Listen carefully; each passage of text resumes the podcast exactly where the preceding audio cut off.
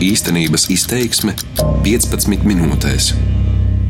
Nepilngadīgas ar bērnu zem sirds, bez izglītības, izdzītas no mājām, vai arī dzīves biedrs lieto alkoholu, rīko skandālus, ir agresīvs, pielieto fizisku un emocionālu vardarbību gan pret sievieti, gan bērniem. Šādās situācijās palīdzību sniedz dažādi krīzes centri. Viens no tādiem atrodas Daugopils novadā Naujenes mātes un bērnu atbalsta centra savotiņi.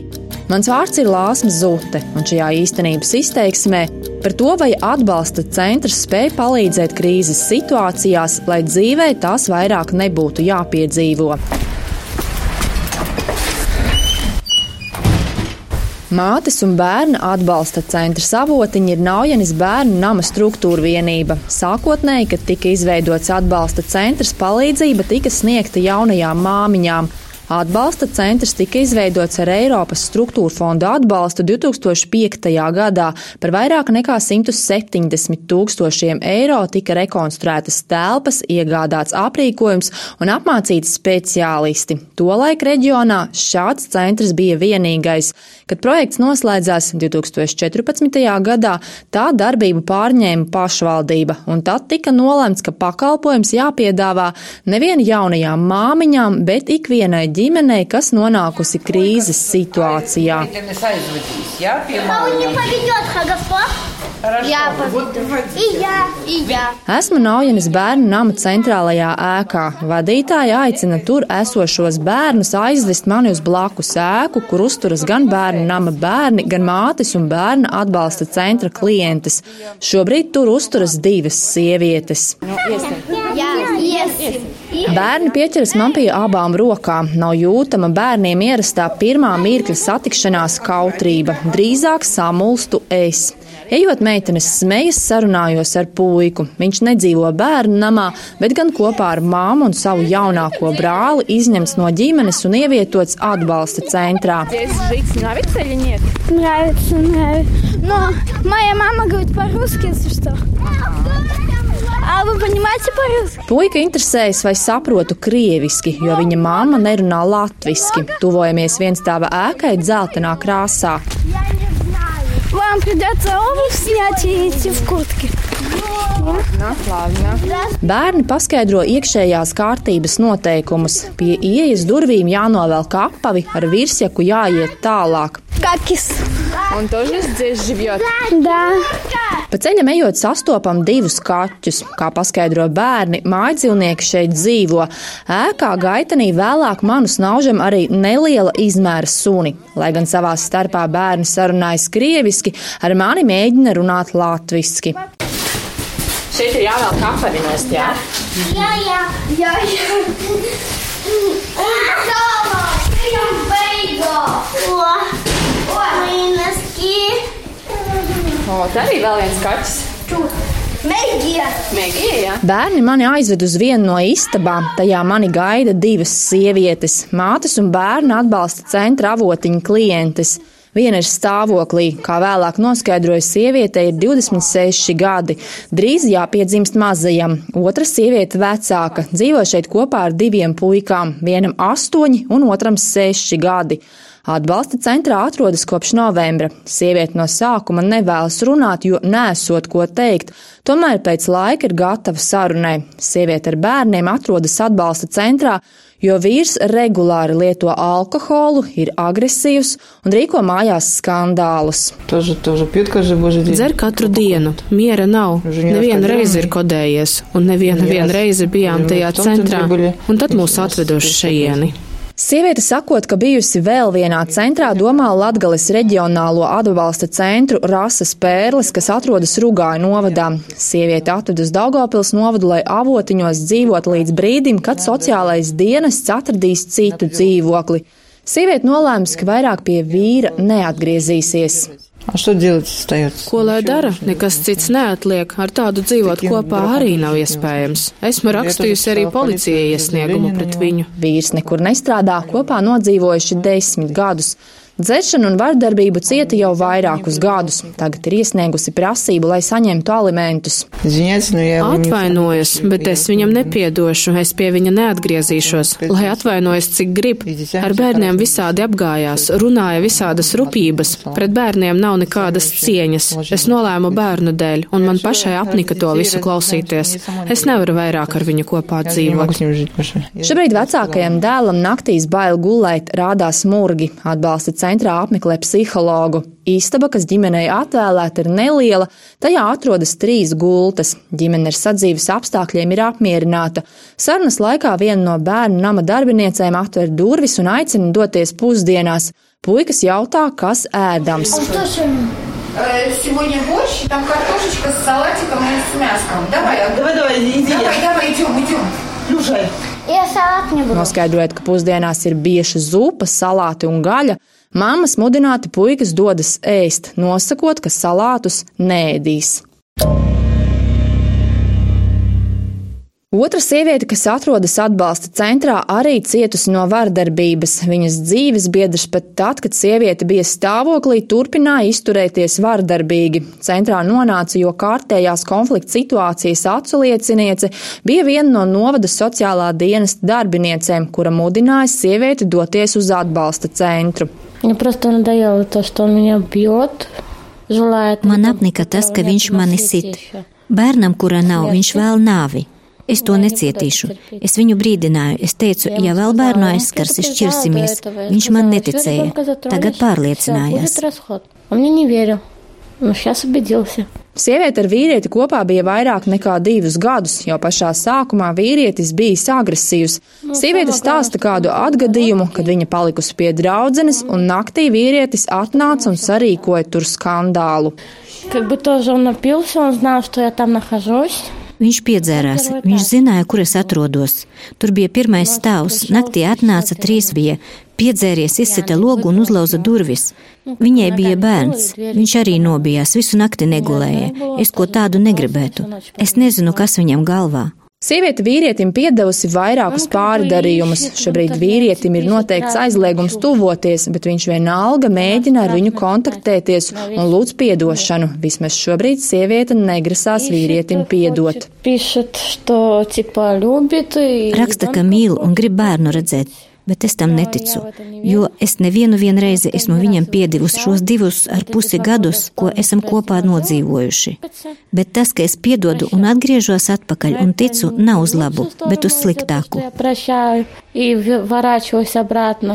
Aphuču. Sieviete šobrīd ir viena, ar savu māti nekontaktējas, taču ar tēvu nevēlas to darīt, jo viņš ir draugos ar varmācīgo vīrieti, un sieviete vienkārši baidās, ka informācija par viņu un viņas turpmāko atrašanās vietu tiks izstāstīta viņas gaidāmā bērna tēvam. Ja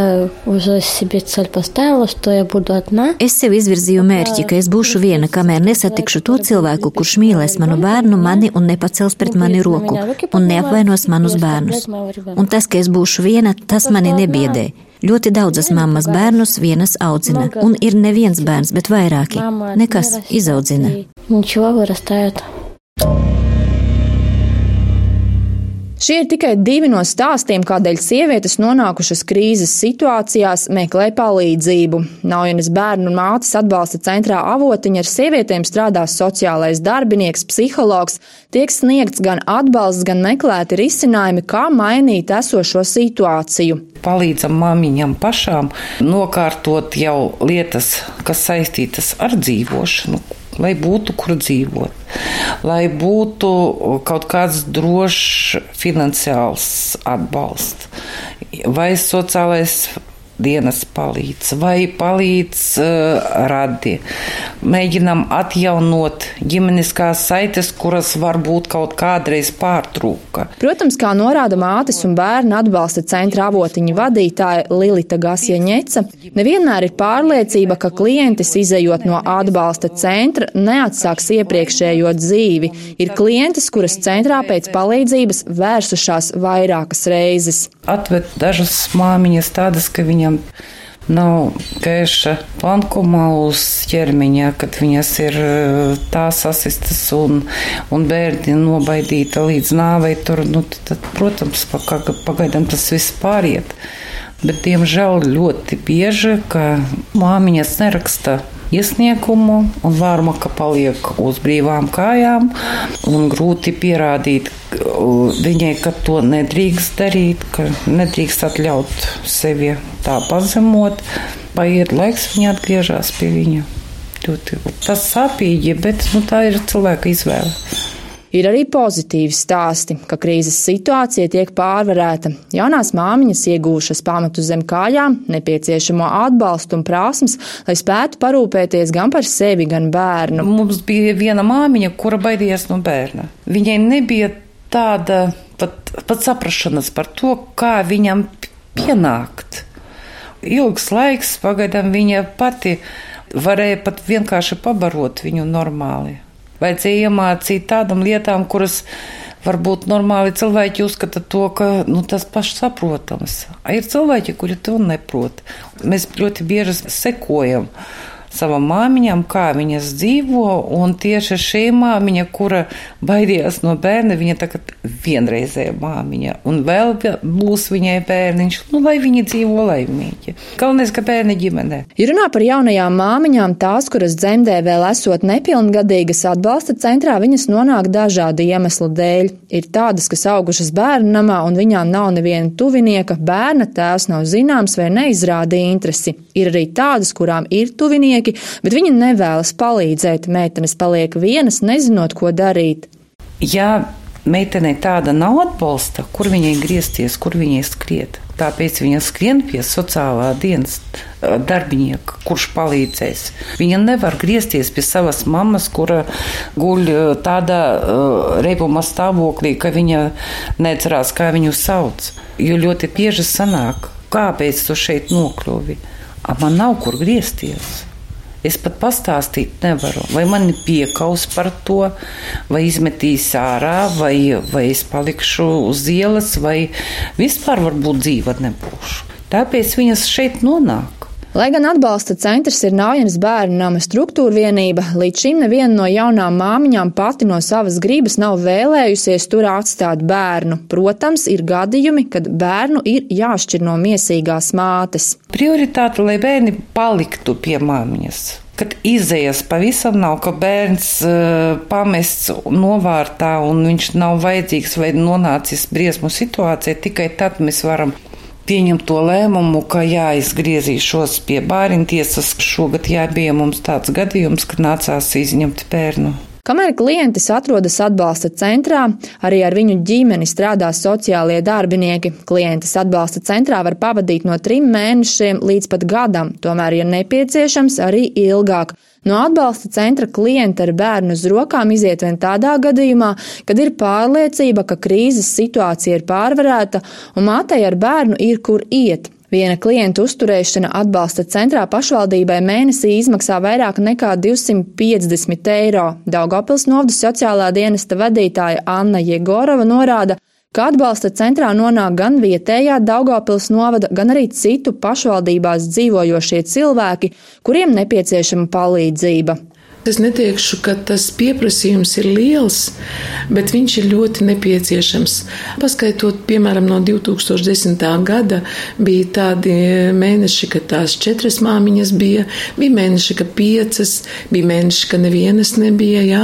Kā jūs redzat, turpmāk ir nepieciešams šāds centrs? Noteikti ir nepieciešams, un mēs to arī saglabāsim, un pašvaldība arī viņu finansēs šo pakalpojumu sniegšanu, jā, jo mēs nevaram paredzēt tās situācijas, kādas viņas var veidoties, bet uh, tiem cilvēkiem, kas šajā krīzes situācijā ir nonākuši, tas pakalpojums vajadzīgs uz sitienu.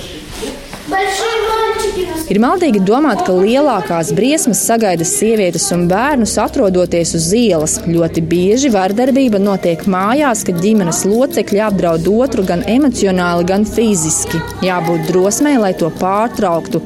Meklētu palīdzību un par to ziņot arī policijai. Atvadoties no sievietēm, kas dalījās savās krīzes situācijās, saņemu sveicienu jaunajā gadā ar laba vēlējumiem un cerību, ka dzīve mainīsies uz labu. Naujanis bērnu un mātes atbalsta centrā biju es, Lāsma Zute. Darbības vārds īstenības izteiksmē izsaka darbību kā realitāti. Tagatnē, pagātnē vai nākotnē, vai arī to noliedz.